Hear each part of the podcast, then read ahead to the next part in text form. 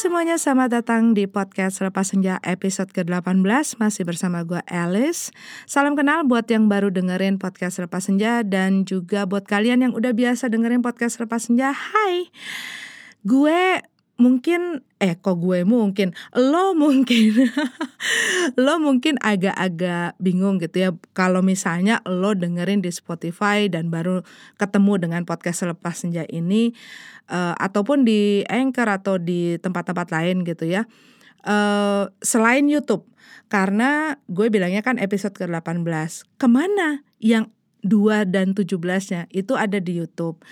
Gue nggak uh, memposting itu di Anchor supaya bisa dimasukin ke Spotify karena di dalam podcast-podcast sebelumnya itu ada beberapa lagu yang gue kolaborasi sama orang dan itu lagu belum dipublish dan segala macam karena memang kita hanya kolaborasi bareng gitu ya.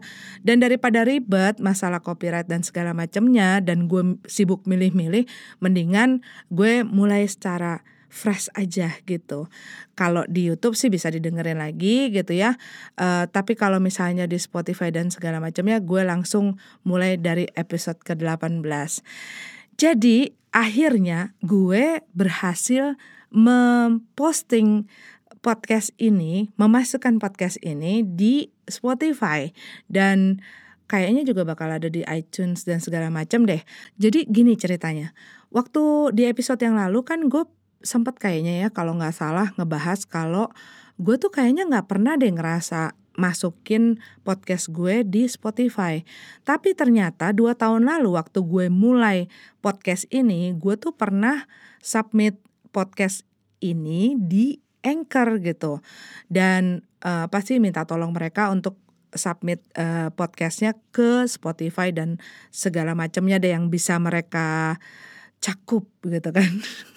Terus akhirnya karena terlalu ribet dan karena fail apa gimana deh pokoknya gue tuh nggak mau ribet gitu. Dan akhirnya gue ah ya udahlah gue cuman posting posting di YouTube aja gitu kan. Cuman karena belakangan ini tuh banyak semakin banyak yang minta gitu untuk gue memposting podcast gue tuh supaya nggak pakai video seperti di YouTube. Dan akhirnya gue mencari-cari lagi gitu loh caranya gimana. Akhirnya menemukan memang harus di anchor gitu. Bukan harus sih ada uh, tempat lain ya kayak di mana sih Bulberry atau segala macam itu adalah tempat-tempat lain yang untuk men-submit podcast kita. Cuman yang free dan apa ya, uh, yang simple lah itu di Anchor. Ternyata pas gue ke sana, gue tuh udah punya gitu loh, udah punya account dan ternyata juga gue udah pernah submit. Kenapa ditolak? Karena di judul podcast gue yang mau gue submit itu ada angka dan ada tulisan podcast gitu. Jadi itu yang nggak boleh. Jadi buat teman-teman yang mau men submit uh, podcast mereka ke Spotify sebenarnya gampang dan mudah banget melalui Anchor. Cuman waktu itu emang gue agak lagi ribet kali ya atau riweh dengan eh, hal-hal uh, yang bersangkutan dengan hidup gue. Jadinya gue tuh males baca-baca segala macem dan gue nggak tahu kenapa sih gue nggak bisa mensubmit itu. Tapi sekarang udah clear dan ternyata pas gue submit tanggal track itu naik tuh ya tanggal waktu gue submit itu. Jadi tanggal berapa ya? Pokoknya tahun 2017 gila ya udah dua tahun aja nih uh, apa namanya podcast gue dan nggak kerasa banget udah 18 episode. Tapi 18 episode juga karena gue banyak uh, bolong-bolongnya kalau misalnya gue teratur mungkin akan lebih dari 18 ya.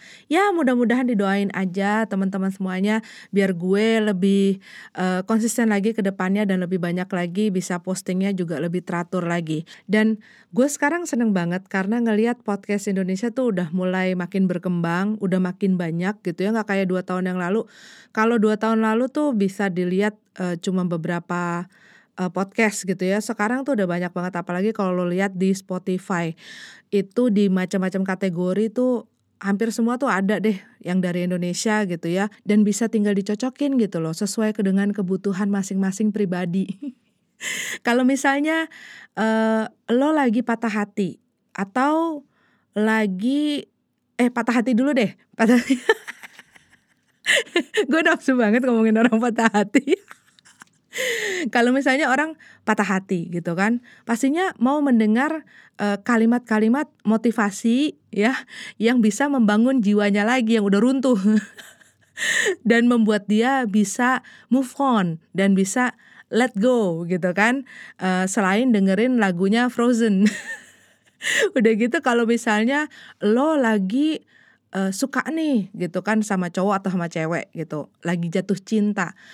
Yang ada untuk mengetahui gitu loh, bagaimana cara memikat dan mempesona orang itu, lo ada juga tuh podcastnya gitu uh, mengenai apa ya?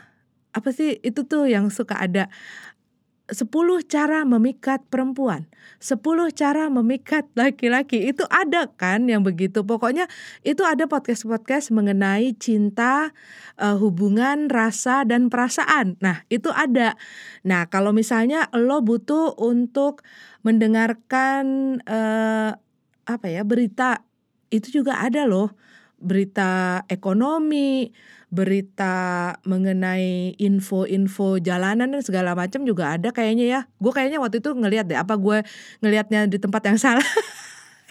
ya pokoknya ada. Nah kalau misalnya ada lagi nih lo lagi sedih gitu, bukan karena apa apa ini mulut gue agak-agak uh, loncer, pegangannya pada lepas semuanya kalau pagi-pagi. Iya, kalau misalnya lo lagi sedih, tapi bukan karena patah hati, tapi karena hal lain. Misalnya karena di jalanan macet. Lo sedih gitu ya karena telat terus udah gitu dimarahin sama bos lo gitu kan. Terus lo butuh penyemangat untuk bisa bekerja dan bertahan sampai nanti sore gitu. Nah, lo pastinya membutuhkan sesuatu yang bisa menyegarkan jiwa kalau misalnya lo tipenya rohaniawan atau uh, orang yang religius ya dengerin uh, apa ya uh, siraman eh kok siraman? Siraman ya benar ya? Siraman rohani ya. Terus ya model-model begitu gitu kan supaya tenang tenang kamu harus tenang tenang ini adalah cobaan. Ya nah terus kalau misalnya itu kurang kurang apa ya kurang nonjok gitu kan. Lo pengen ngedengerin orang yang bisa menghibur lo.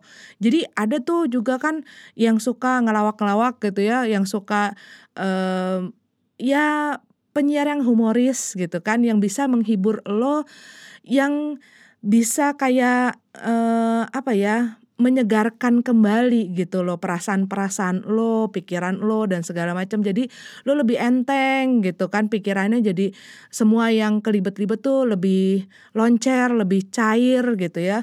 Terus kalau misalnya eh tapi ada loh orang-orang yang kalau misalnya dia sedang mengalami satu kesulitan gitu loh atau mengalami kegagalan dalam hal apa pun gitu ya.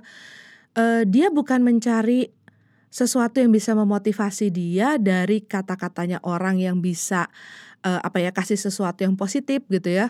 Tapi dia lebih memilih untuk atau dia lebih senang mendengarkan atau mengetahui bahwa ada orang yang masalahnya lebih parah dari dia gitu ya atau beban hidupnya lebih parah dari dia dan juga mendengarkan cerita-cerita sedihnya orang sehingga dia ngerasa kalau misalnya beban dia tuh nggak seberat itu dan mungkin juga jadi kayak ada temen senasib sepenanggungan gitu ya. Jadi ada juga tipe-tipe orang kayak gitu. Nah kalau kamu merupakan orang yang semacam itu carilah podcast-podcast. Kan ada tuh yang puisi di kala hujan saat kau pergi dan tak kembali. Ya, itu tuh model-model yang kayak gitu ada juga gitu loh di podcast uh, podcast-podcast kita tuh ada gitu loh orang-orang yang uh, juga membuat hal-hal seperti itu. Jadi uh, lo jadi nggak ngerasa sendiri gitu loh yang menghadapi cobaan dan tantangan serta rintangan yang di dalam hidup ini banyak lagi sekian banyaknya isi dunia ini rame itu yang ngadepin tantangan hidup dan mungkin dengan melihat orang yang nasibnya lebih parah daripada lo gitu ya, lo jadi agak sedikit terhibur atau enggak uh, jadi ngeliat bahwa oh iya ya beban gue nggak separah dia gitu kan. Dan itu membuat lu jadi semangat lagi. Jadi macam-macam orang untuk menanggulangi gitu loh perasaan-perasaan yang dihadapi setiap hari. Nah, kalau misalnya juga lo butuh apa lagi ya? Temen temen. Temen buat ngobrol. Buat nggak buat ngobrol lah. Namanya dengerin podcast tuh pasti dengerin orang ngoceh. Kayak misalnya lo butuh temen uh, untuk sambil ngerjain apa gitu ya. Sambil uh, kerja di kantor sambil nyetir sambil treadmill gitu ya. Lo mungkin mau ngedengerin orang yang ngoceh-ngoceh. Ngoceh-ngoceh tentang apa aja deh nggak spesifik gitu ya. Kayak gue random gitu. Nah mungkin podcast-podcast kayak podcast gue ini yang ada orang ngobrolnya ngobrol apa aja nggak ada juntrungannya bisa jadi pilihan atau jadi alternatif. Ada juga orang yang doyan ditakut-takutin atau enggak e, ngerasa dihantui gitu. Ya mereka doyan tuh dan banyak loh e, podcast e, mengenai cerita-cerita horor gitu kan ya. Ya kebenarannya sih nggak tahu ya. Cuman e, cara dia mengemas itu ya bagus-bagus gitu ya. Dan itu kalau misalnya lo butuh apa ya butuh jadi bahan mimpi buruk lo bisa dengerin itu gitu loh sebelum tidur. Soalnya waktu gue baru-baru beberapa episode gitu ya bikin podcast ini itu banyak banget. Kak cerita horor dong. Kak cerita yang nakutin dong. kak lu udah kayak keponakan-keponakan gue kalau ketemu tuh pada minta diceritain cerita horor.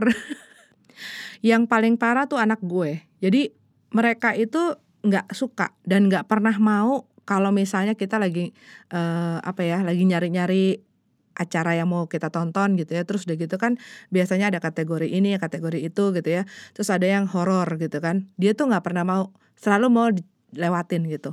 Nah yang sulung itu merasa tertantang karena sudah mulai besar gitu ya. E, pengen dong aku nonton film horor gitu kan yang agak soft.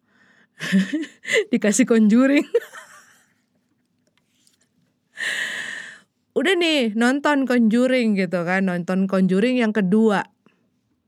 Terus waktu malam pertama itu dia uh, nonton film horor memang dia agak gelisah gitu ya uh, dan uh, dia bilang dia cerita gitu loh pengalaman dan uh, apa yang dia rasain setelah nonton itu gitu ya. Dan setelah satu hari lewat gitu ya dia bilang eh ternyata udah lupa ya rasanya udah nggak ada gitu loh. Itu cuman hari pertama aja. Dan lo tahu nggak abis itu? Gila loh. Itu dibabat terus film horor. Sampai waktu itu gue pernah semalam itu sampai dua secara berturut-turut nonton karena dia udah nonton Conjuring 2 dia minta Conjuring satu. Abis itu kita nonton itu yang apa? Lelaron Lelarona. Lu udah nonton belum sih? Yang itu? Itu lumayan loh. Cuman uh, memang sensasinya agak-agak beda ya sama si Conjuring gitu dan semacamnya Conjuring. Karena kan kalau Conjuring itu hantunya tuh kan agak-agak jual mahal ya. Keluarnya tuh nggak langsung di depan atau nggak terus-terusan gitu loh. Setiap kali sesuatu yang bikin mencekam dia pasti nongol gitu. Nggak gitu kan. Kadang-kadang dia cuman kaget-kagetin tapi nggak kelihatan wujudnya dan main di sound gitu loh. Dan lu jadi aduh nanti kelihatan nggak ya? Nanti ada nggak ya dianya ya? Gitu loh. Atau nanti keluar nggak ya si ini gitu. Kita udah nganggep udah ngebayangin yang serem gitu ya. Tapi itu nggak keluar keluar kayak di apa ya di pirit-pirit gitu loh keluarnya. Tapi si Larona ini sering gitu loh. Dan itu justru kalau menurut anak gue yang sulung gitu ya eh, kadar keseremannya tuh jadi nurun dan abis itu dia mau lagi dong mau yang ini mau yang itu gitu kan. Gue sampai bilang tunggu dulu kita nonton film-film yang kocak-kocak dulu kayak buat netralisir gitu ya. Ini gue terus-terusan nonton film horor juga rusak juga gitu loh. Tapi seru sih nonton film horor rame-rame gitu ya.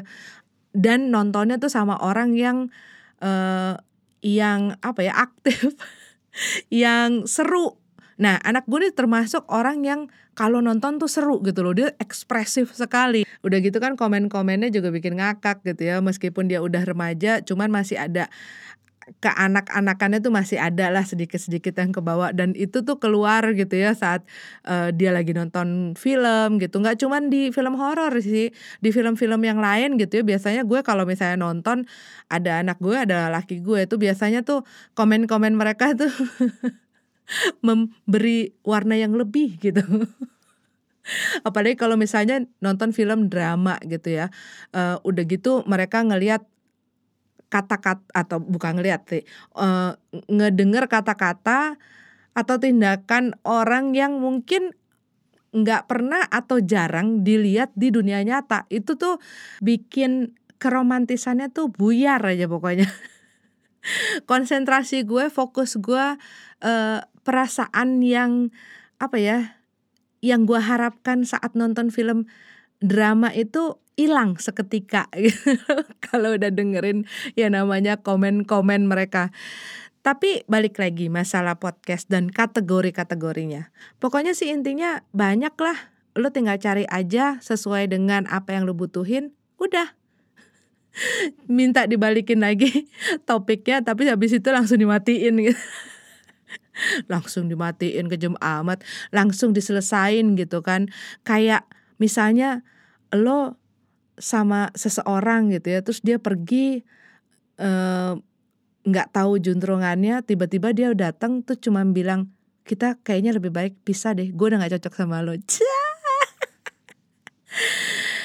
ada empet ya kalau gitu mendingan nggak usah balik-balik mendingan lu pergi aja udah tapi kadang-kadang orang butuh closure loh tapi ini di lain kasus-kasus yang Tahu kan lo yang kayak penculikan atau segala macam. Ini di luar itu.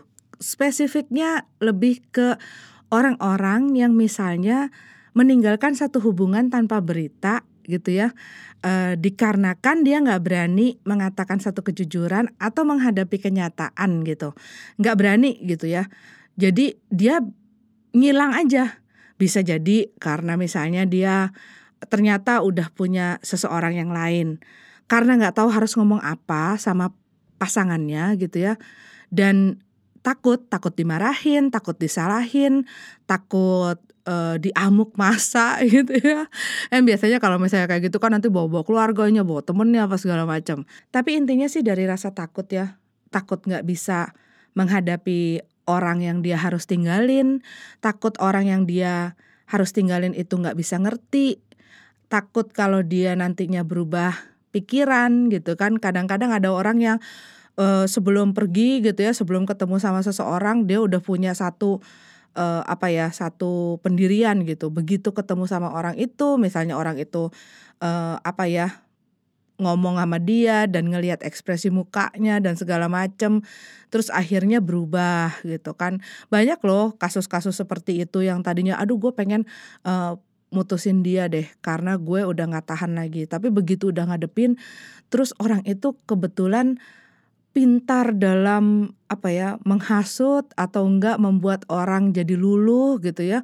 Yang ada begitu ketemu nggak jadi gitu kan. Atau enggak yang ada begitu udah ngomong terus misalnya orang itu memelas apa segala macam terus nggak nggak jadi gitu loh.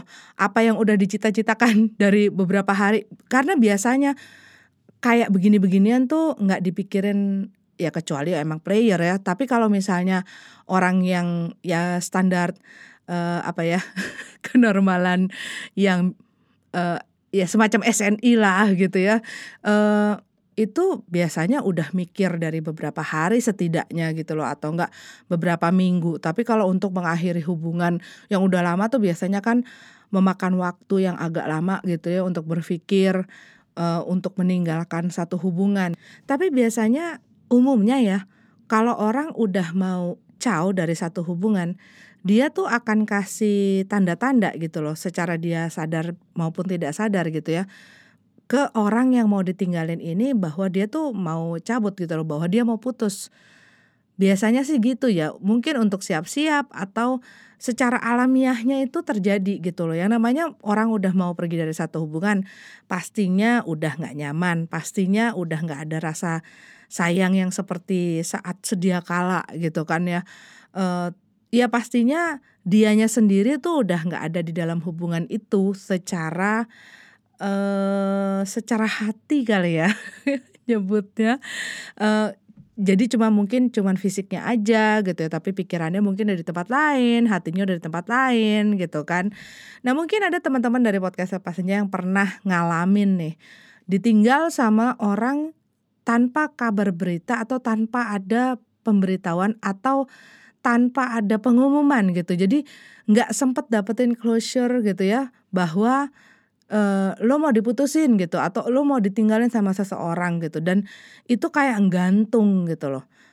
Itu rasanya pasti nggak enak banget. Gue sih bersyukur banget ya sampai sekarang gitu ya uh, apa gue belum pernah ngalam, ngalamin yang seperti itu. Dan gue juga tidak pernah gitu loh melakukan itu ke pada orang lain. Cuman gue punya temen deket yang pernah ngalamin hal seperti itu dua kali. Dan gue nemenin prosesnya dia sampai akhirnya bener-bener uh, nerima gitu ya. Karena itu kalau apalagi kalau misalnya lo udah lama gitu ya berhubungan dengan seseorang dan ngalamin hal seperti itu gimana sih? Gue tuh tadi lagi gue lagi ngebahas podcast dan kategori-kategorinya. Berujung ke sini ah ya sudahlah kita terusin aja.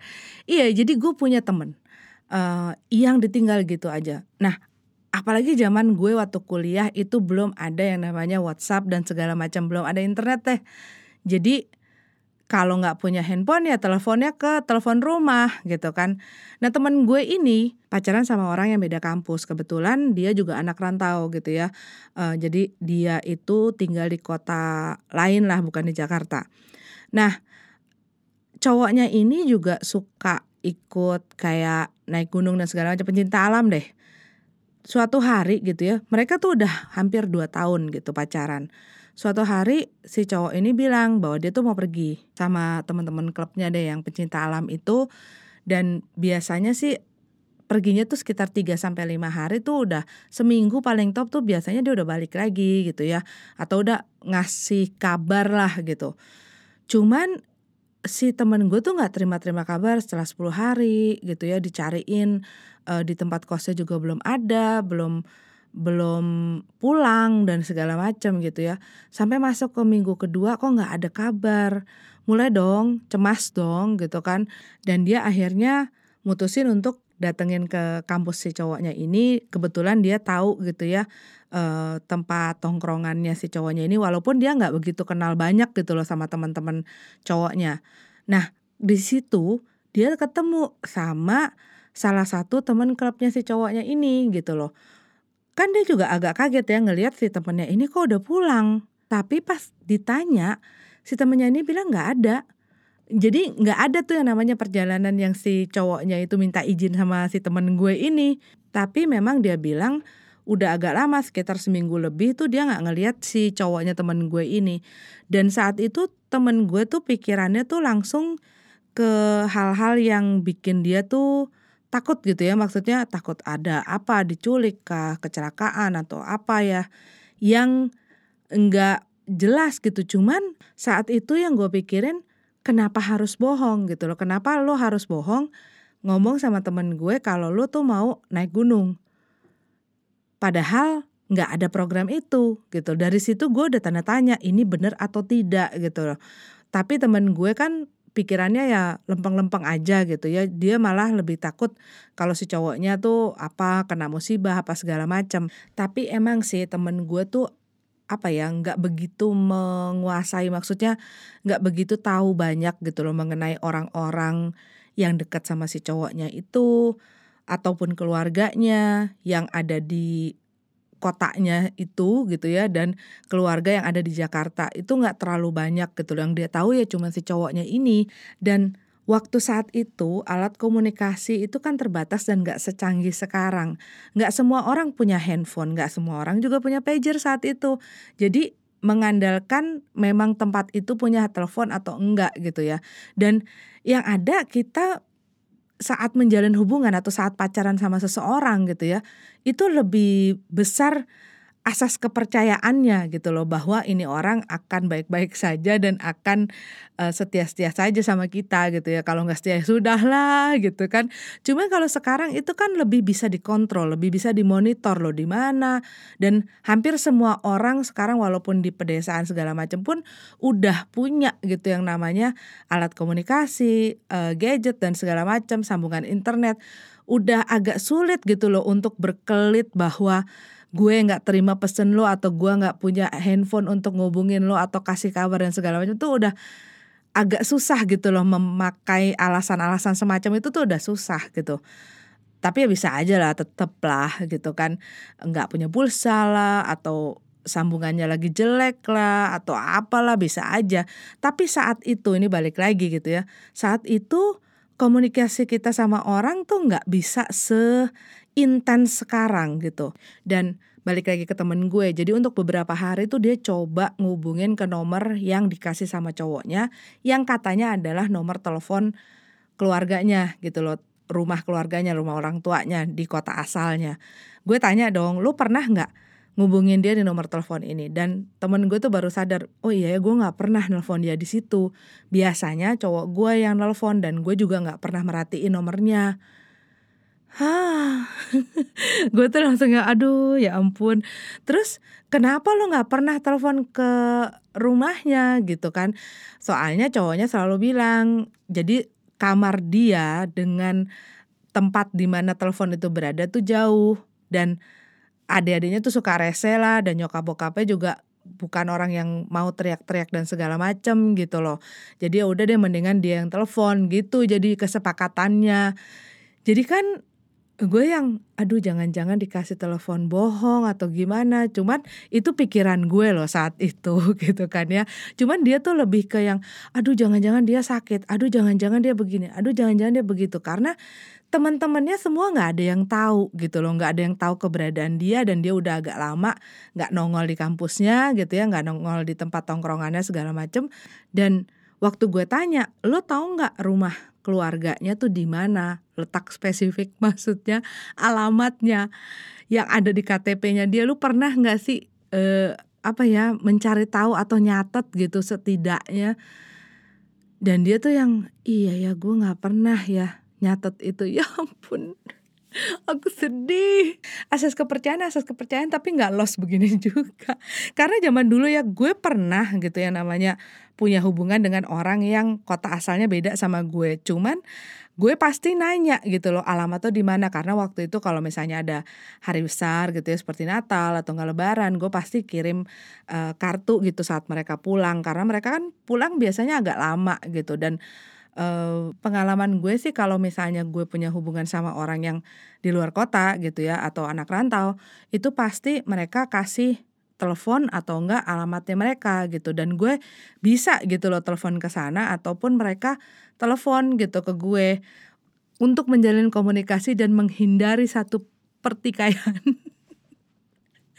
ya namanya ya komunikasi itu penting loh di dalam hubungan. Walaupun zaman dulu harus ke wartel wartel wartel ya zaman dulu wartel bukan warnet. Itu tuh mau nggak mau ya menyisihkan duit lah beberapa gitu ya just to say hello gitu atau enggak apa kabar dan segala macam tapi setidaknya udah ada kesempatan untuk komunikasi tahu dia baik-baik aja dan segala macam tapi balik lagi temen gue ternyata nggak seperti itu dan nggak semua orang ternyata berpikiran bahwa mengetahui jati diri seseorang ataupun latar belakang asal muasal seseorang itu penting seperti semacam temen gue ini gitu. Jadi dia tuh buta sama sekali nggak tahu alamat keluarganya di mana gitu kan. Dan keluarganya yang ada di sini juga nggak terlalu tahu. Jadi mereka itu memang apa ya ya hanya kau dan aku yang penting di dunia ini sudah gitu. Aduh ya udah akhirnya dia nunggu nunggu nunggu karena juga bingung ya mau nyamperin juga nyamperin ke mana gitu kan.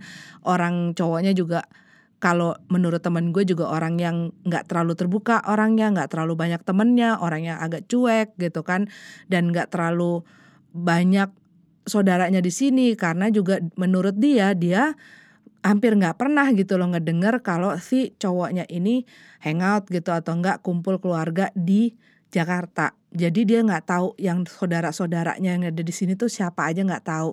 Dia cuma kenal tuh bener-bener beberapa gelintir aja gitu loh teman-teman deketnya yang sering dia omongin gitu. Dan waktu sudah agak berapa lama gitu ya, ya sekitar dua mingguan itu akhirnya temen gue tuh nyamperin lagi tempat kosannya. Menurut orang di situ udah ganti orang dan sudah pindah. Di situ gue udah bilang ini cowok lo ada dan pasti udah sempet ke sini gitu karena awalnya bilang nggak ada kok sekarang udah pindah berarti kan dia sempat datang ke sini. Terus teman gue dengan lugunya, iya kenapa dia nggak ngubungin gue ya kalau dia pindah kos lah.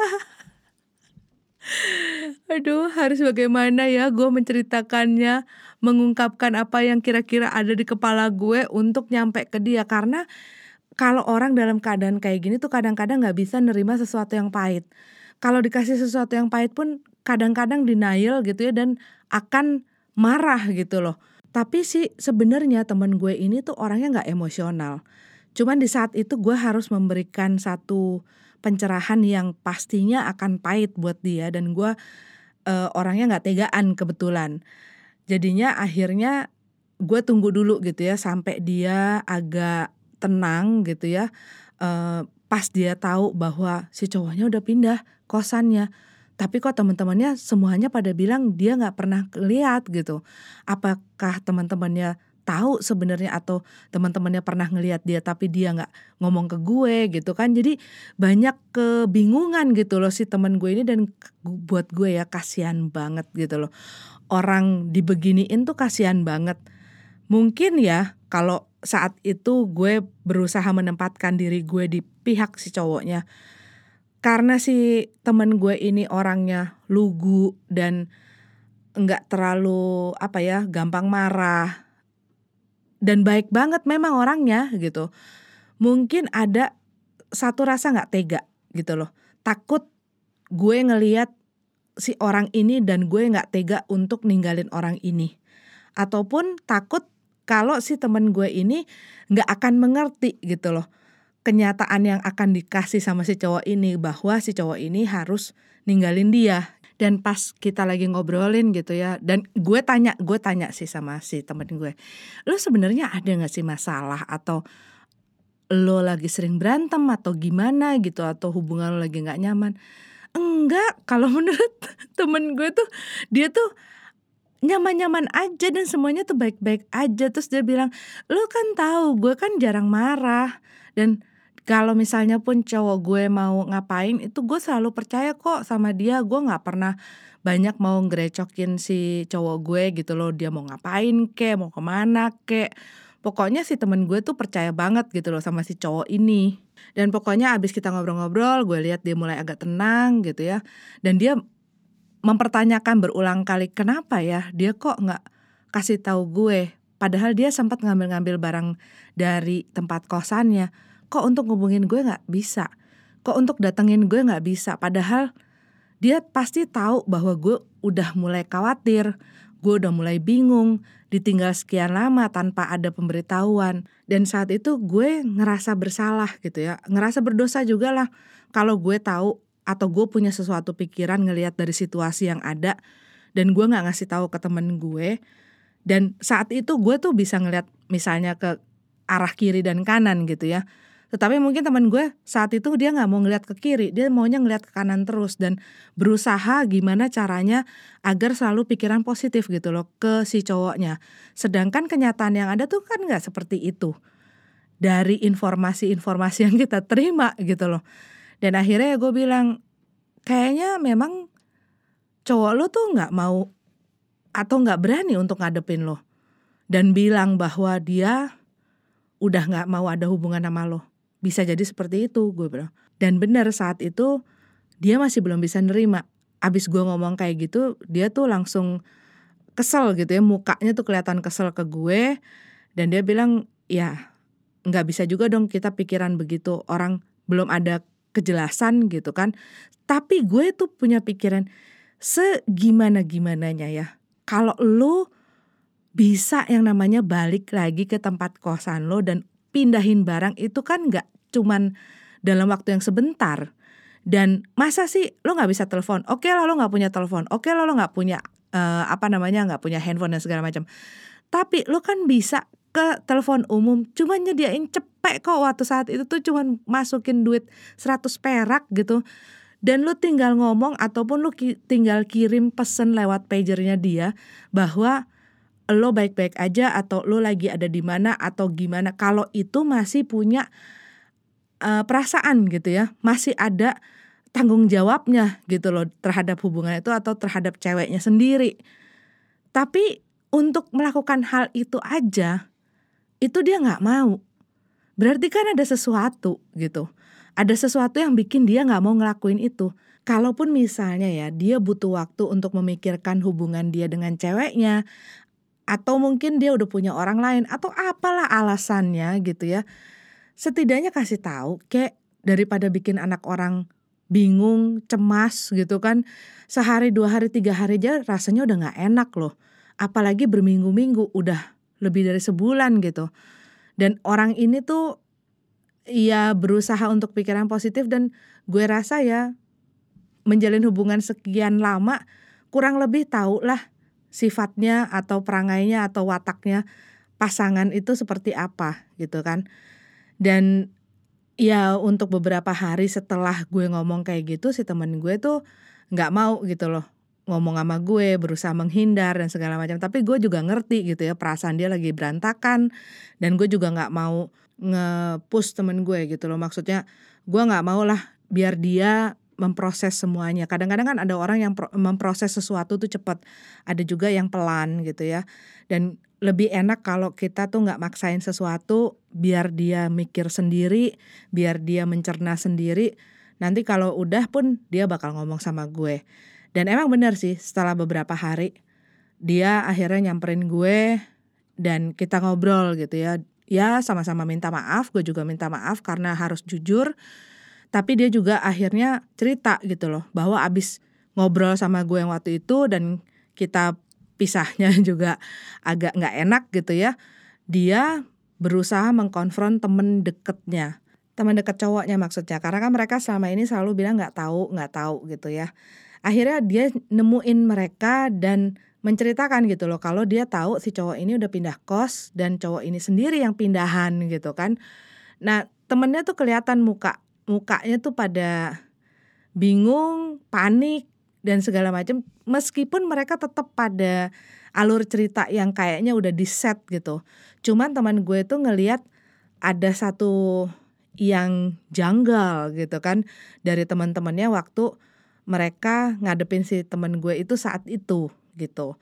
Nah, ya udah dari situ tuh dia mulai kayak iya ya ada sesuatu yang aneh ada yang off nih mengenai cowok gue tapi untuk dia bisa nelen itu untuk bisa nerima bahwa cowok gue nih punya sesuatu yang diumpetin yang gak diceritain sama gue dan dia gantungin gue itu kan untuk nerima gitu ya kenyataan itu dan mau ngeliat nih yang kejadian gitu kan. Cowok lo tuh sebenarnya ada di sini tapi dia nggak mau ngubungin lo tapi dia nggak mau telepon lo. Itu tuh agak susah gitu ya apalagi kalau lo lagi mencintai atau menyayangi orang sedemikian rupanya sampai buta gitu ya. Kadang-kadang kita nggak mau ngelihat sesuatu yang kita nggak mau pengen lihat atau kita nggak mau denger gitu. Dan kita berusaha untuk nutup mata nutup telinga jangan sampai gue lihat itu gitu. Dan akhirnya setelah berapa hari mungkin dia berusaha memproses itu gitu ya. Dan akhirnya ya kita ngobrol lagi.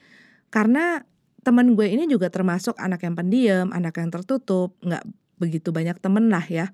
Dan setahu gue memang dia hanya banyak cerita mengenai hal-hal pribadinya tuh sama gue.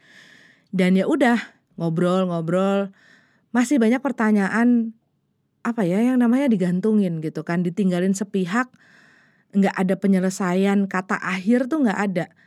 Itu tuh gantung.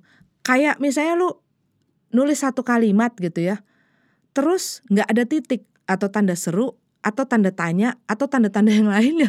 Itu kan kayak yang hah? Gitu Nah dia tuh masih yang juga yang kenapa ya? Apa salah gue? Apa yang salah di dalam hubungan gue? Dan selama ini kayaknya kita semua maksudnya dia berdua gitu bukan semuanya nggak ada yang lain-lain dia berdua tuh nggak ada ribut-ribut nggak ada marah-marah nggak ada uh, apa ya indikasi si cowok ini juga selingkuh kalau menurut dia sih nggak ada tanda-tanda itu. Atau mungkin karena dia nggak terlalu aware gitu ya. Karena dia terlalu ngebebasin cowoknya terlalu percaya sama cowoknya. Serba salah ya kadang-kadang. Dikasih kepercayaan salah nggak dikasih kepercayaan juga salah. Tapi mungkin dari kadarnya kali ya. Apa yang terlalu berlebihan dan apa yang terlalu kurang juga nggak baik gitu ya. Sama kayak makanan lah. Apa yang dikonsumsi terlalu banyak dan kurang gitu ya akan berpengaruh terhadap kesehatan kalian termasuk juga hubungan percintaan gitu jadi kalau nggak ada apa ya ribut-ribut berantem agak kurang lucu gitu ya hubungan itu. Tapi juga kebanyakan bikin jadi nggak betah gitu kan. Jadi pengen mendapatkan satu kedamaian gitu kan. Alasannya. Nah pokoknya akhirnya setelah beberapa lama, setelah beberapa bulan lah setelah kejadian itu gitu.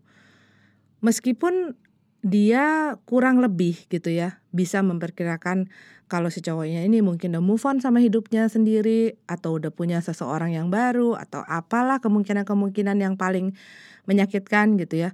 Dia tetap masih gantung gitu loh rasanya karena buat dia ya belum ada kata putus karena ya pikiran sama perasaannya masih nyangkut gitu loh ke cowok itu. Bahkan temen gue tuh berusaha semaksimal mungkin gitu ya berpikiran untuk dia nggak meng apa ya nggak membenci itu cowok. Dan dia bilang gini sama gue gimana kalau misalnya ternyata cowok gue itu punya satu penyakit yang bikin dia uh, apa ya nggak bisa punya masa depan? Atau enggak dia tahu bahwa umurnya nggak panjang sehingga dia nggak mau nyakitin gue, dia nggak mau bikin gue sedih dan dia nggak mau bikin gue khawatir. Lah ini nggak cuma sedih sama khawatir kalau buat gue ya maksudnya waktu temen gue ngomong itu tuh lu tuh bukan cuma sedih sama khawatir lu juga bingung lu juga lost gitu loh di dalam hubungan lu dengan cowok itu apa pun alasan dia dia tuh punya satu tanggung jawab untuk menyudahi karena dia juga memulai hubungan lo dan dia punya tanggung jawab kalau dia udah nggak mau lagi ada hubungan sama lo apa pun alasannya mau nggak mau dia harus ngadepin tapi ya balik lagi ya beda temen deket aja bisa beda isi kepalanya aja beda, isi hatinya aja beda gitu kan. Kalau gue yang ada di dalam posisi dia pasti gue ya udahlah dah bye gitu kan. Lo udah nggak mau ngubungin gue, lo udah nggak mau bahkan menyempatkan lima menit untuk menjelaskan kejadian dan apa maksud lo giniin gue, ya sudahlah. Tapi ya itu kan prinsip masing-masing orang. Gue saat itu juga sadar bahwa gue nggak bisa maksain prinsip gue ke temen gue dan temen gue juga nggak bisa maksain prinsip dia ke gue. Dan saat itu ya kita saling terima gitu ya namanya juga teman dekat gitu. Makanya kadang-kadang sekarang ya gue ngelihat banyak orang yang bahkan nggak kenal gitu dengan seseorang tapi maksain prinsip mereka atau enggak maksain cara pandang mereka atau enggak maksain isi kepala mereka untuk bisa diterima oleh orang lain. Mending kalau cuma diterima. Mereka maksain agar orang itu berpikir seperti caranya mereka. Mereka ingin cara hidup mereka itu dijalani oleh orang lain juga. Karena mereka merasakan itu adalah yang paling benar. Waduh gila, gue curhatnya jadi ke mana-mana nih. Tapi kan lo tahu kan maksud gue, sekarang ini gitu ya, orang tuh nggak kenal di sosial media, di mana lah dan lu lihat komen-komennya gitu. Banyak sekali orang yang ingin gitu mengubah orang lain supaya jadi seperti mereka. Kira ya kalau gue tuh mikirin itu dan melihat hal-hal seperti itu gitu. Itu kadang-kadang cuma bisa ngelah napas urut-urut uh, apa ya urut-urut kaki yang capek bukan hati lagi udah sampai ke urat kaki. Balik lagi ke temen gue. Pokoknya udah selang berapa waktu gue tuh waktu itu lagi mau nongkrong sama teman-teman gue. Si temen gue yang cewek ini nggak ada. Pas gue turun gue lihat di satu pojok gitu ya di satu meja lah. Ini bukan di kafe bukan di tempat tertutup lah. Jadi ada ya food street gitu tempat tongkrongan anak-anak zaman itu gitu ya. Dan gue ngelihat dia cowoknya temen gue gitu ya. Dan teman-temannya yang waktu itu bilang bahwa mereka nggak lihat si cowok ini gitu. Dan mereka tuh semuanya masing-masing kayak bawa gandengan deh. Pokoknya banyak cewek-cewek juga di situ. Tapi kenapa gue bisa tahu bahwa itu adalah ceweknya dia yang namanya juga cewek gelendotan gitu sama cowok ya? Kali deh pacarnya ke mana gelendotannya sama siapa gitu. Ya udah jelas-jelas lah itu pasti ceweknya dia. Yang ada gue langsung nyamperin uh, ya basa-basi gitu ya apa kabar lo? Ke mana aja lo ngilang? Gila lo kasihan banget tuh temen gue lo gantungin. Itu jemuran aja digantung biasanya diangkat kalau udah kering gitu. Terus mukanya itu cowok dong merah kuning hijau di langit yang biru tuh. Terus temen-temennya juga gue tembak gitu. Katanya lo semua pada nggak tahu. Soalnya waktu itu gue juga nemenin temen gue kan nemuin mereka dan nanyain gitu. Dan otomatis tuh suasana di situ tuh jadi tegang-tegang nggak enak gitu ya. Dan cewek-cewek di situ juga mukanya berubah semua. Si cewek yang tadinya gelendotan sama si cowoknya teman gue pun langsung ngelepas tangannya dan me apa ya menunjukkan raut wajah yang berisi banyak tanda tanya ke si cowok itu. Dan si cowok ini sama teman-teman itu langsung belaga so asik gitu ya. Mungkin mereka takut gue ke mana-mana ngomongnya atau enggak terlalu uh, apa ya terlalu vulgar.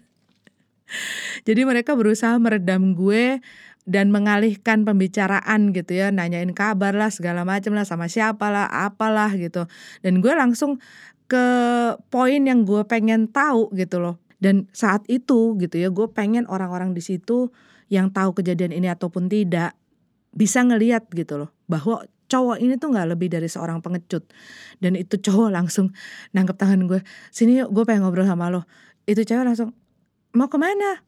Enggak enggak gue pengen ngobrol sebentar gitu. Akhirnya gue ditarik sama si cowoknya teman gue ini ke salah satu meja kosong gitu ya dan dia ngajak gue ngobrol di situ. Dan waktu dia mulai mau ngejelasin semua alasan dan segala macam itu udah mau keluar. Gue udah tahu banget deh. Kayaknya udah keluar. Alasan alasan alasan dari tenggorokannya dia gitu ya. Gue terus ngomong gini lu tuh nggak penting jelasin apa apa sama gue. Yang penting adalah lu jelasin dan lu selesain baik-baik. Sama entah lo mau nyebut apa mantan lo kah apa sudah jadi mantan karena lo belum pernah bilang putus gitu kan sama dia apa dengan lu ninggalin dia berbulan-bulan lu anggap udah putus? Karena dia belum loh. Dia tuh masih nyangkut tuh sama lu. Dan lu tuh gak punya nyali untuk ngadepin temen gue dan nyelesain gitu loh secara baik-baik. Kalau emang lu gak bisa nerusin lagi hubungan lo, ya bilang, gila di sana dia tuh berjuang gitu ya, ngelewatin hari demi hari dengan semua segala pikiran dan harapan dan dia masih nunggu lo masih menanti gitu loh. Suatu hari lo bakal datang dan akan jelasin semua apa yang terjadi. Dan dia beberapa saat-saat lo pergi gitu aja dia tuh nyari lo tuh ke mana-mana dan dia tuh bingung, pusing dan dan dia tuh berusaha untuk bisa tetap pikiran positif gitu loh mengenai lo. Tapi ternyata lo bisa ya dengan gampangnya ngelupain semuanya, lo bisa nongkrong, bisa ketawa-ketawa, bisa punya cewek lagi. Dan kayak nggak ada pikiran gitu nggak ada beban gitu ya lu udah nyakitin anak orang gitu kan. Dan tanggapannya dong gue nggak punya hati untuk nyakitin dia karena dia terlalu baik. Hah? Oh my god. Itu yang namanya gue berusaha untuk menahan diri gue supaya nggak nyakar-nyakar itu lagi. Karena yang namanya jari eh jari-jari lagi kuku-kuku gue yang di jari-jari gue tuh udah kayak bertambah panjang bertambah panjang dan pengen nyaplok gitu ya. Gregetan banget gak sih? Gila loh ya ampun.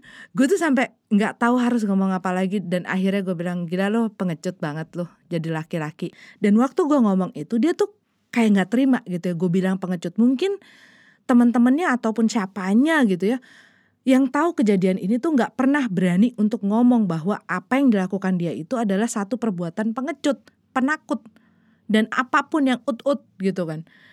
Dan dia yang langsung ngomong gitu, gue bukannya pengecut, gue belum apa ya belum siap.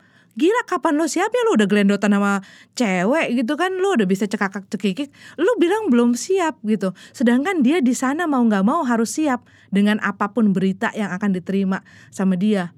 Tapi habis itu ya gue udah males juga gitu ngadepin ini orang karena gue juga ngeliat ya itu mukanya tuh udah penuh dengan alasan. Lo tau nggak muka orang ekspresi orang yang penuh dengan alasan pernah nggak ngadepin orang kayak begitu ya? Udah langsung mukanya bentuknya kayak gitu kayak alasan. Dan akhirnya gue bilang ya udah deh terserah lo deh urusan lo sama hidup lo. Dan kebetulan di situ tuh ada telepon koin gitu ya telepon umum yang pakai koin. Gue bilang sama dia dong kalau lo selama ini nggak punya recehan untuk telepon temen gue dan jelasin apa yang terjadi sama lo lo mau gue kasih recehan supaya lo bisa nerangin sama dia mengakhiri penantian dan kesengsaraan dia sama ini gitu kan. Terus dia bilang nanti gue bisa jelasin sama dia nanti tunggu waktu yang tepat. Aduh dalam hati gue nggak bakal ada tuh yang waktu yang tepat gila udah berbulan-bulan lo beginiin. Udah akhirnya gue tinggal gitu aja gue balik lagi ke teman-teman gue nggak berapa lama dia cabut sama ceweknya. Terus teman-temannya juga nyusul gitu ya dan mereka ya basa-basi gitu ya dada-dada sama gue cabut dulu ya pas segala macam cuman gue ngelihat cewek yang sama si cowok ini mukanya tuh udah nggak enak banget gitu ya kayak cemberut-cemberut gitu. Terus udahlah gue pulang ke rumah gue akhirnya telepon temen gue. Dan gue ceritain apa adanya kejadian tanpa gue tambahin tanpa gue kurangin. Pokoknya apa yang diomongin apa yang gue omongin dan apa yang terjadi itu yang gue ceritain temen gue tuh cuman diem dengerin dan dia tuh cuman minta gue tuh jangan tutup dulu teleponnya. Tapi ya abis itu dia ngomong gitu ya gue nggak tahu apa sih yang gue udah pernah lakuin kesalahan apa sih yang pernah gue lakuin atau gue udah pernah nyakitin dia apa gitu ya yang mungkin gue nggak ngerti sampai dia tuh bisa setega itu sama gue. Dan gue bilang apa pun yang pernah lo lakuin, tapi untuk seseorang bisa ngelakuin itu sama orang lain, itu adalah sesuatu yang salah gitu loh. Dan udahlah, e, maksudnya penantian lo dan apa pun yang ngegantung, ngegantung, ngeganjel gitu ya. Sekarang udah ada jawabannya, ya udah gitu loh. Waktunya lo untuk nutup itu semua dan untuk move on gitu. Tapi sih hingga sampai saat ini, terakhir kita ketemu dan ngobrol gitu ya um, dia masih sendiri. Abis kejadian itu dia sempat sekali mencoba untuk berhubungan uh, dengan seseorang, tapi dia bilang ada sesuatu yang ganjel gitu loh. Tetap ada sesuatu yang apa ya bikin dia nggak nyaman gitu loh saat bersama dengan orang di dalam satu hubungan percintaan gitu loh. Ada sesuatu yang bikin dia ngerasa takut, ada sesuatu yang bikin dia ngerasa nggak nyaman. Dan kadang-kadang ada orang-orang yang tidak terlalu peduli gitu ya dampak dari sesuatu yang mereka lakukan terhadap orang lain dan nggak peduli dengan seberapa besar damage yang mereka akibatkan gitu loh terhadap kehidupan orang, terhadap mental seseorang, terhadap perasaan seseorang dan banyak orang yang berpikir bahwa waktu akan menyembuhkan luka gitu ya. Memang akan menyembuhkan luka tapi tidak hilangkan bekas gitu kan ya. Dan kadang-kadang bekas itu yang terbawa di dalam jiwa seseorang yang mengakibatkan adanya trauma-trauma gitu. Aduh, jadi dalam banget ya gue ngomongin ini. Dan gila lo, gue udah cerita hampir sejam kali sama lo mengenai kejadian ini. Dan gak berasa kita udah ada di ujung acara podcast Lepas Senja episode ke-18. Buat kalian yang mau dengerin untuk audionya aja ada di Spotify tulis aja podcast selepas senja dengan podcast ya. Jadi podcast selepas senja carinya. Oke, okay? terima kasih buat kalian semua yang udah dengerin gue ngoceh-ngoceh, gue ngobrol-ngobrol, gue cerita-cerita dari awal sampai akhir. Jangan lupa di subscribe, di like, di share, dan connect sama gue di sosial media lainnya. Nanti ada di description di bawah, jadi tinggal dicek. Dan jangan lupa juga follow gue di Spotify. Oke, okay? sampai ketemu di episode selanjutnya. Alice Leons, ciao.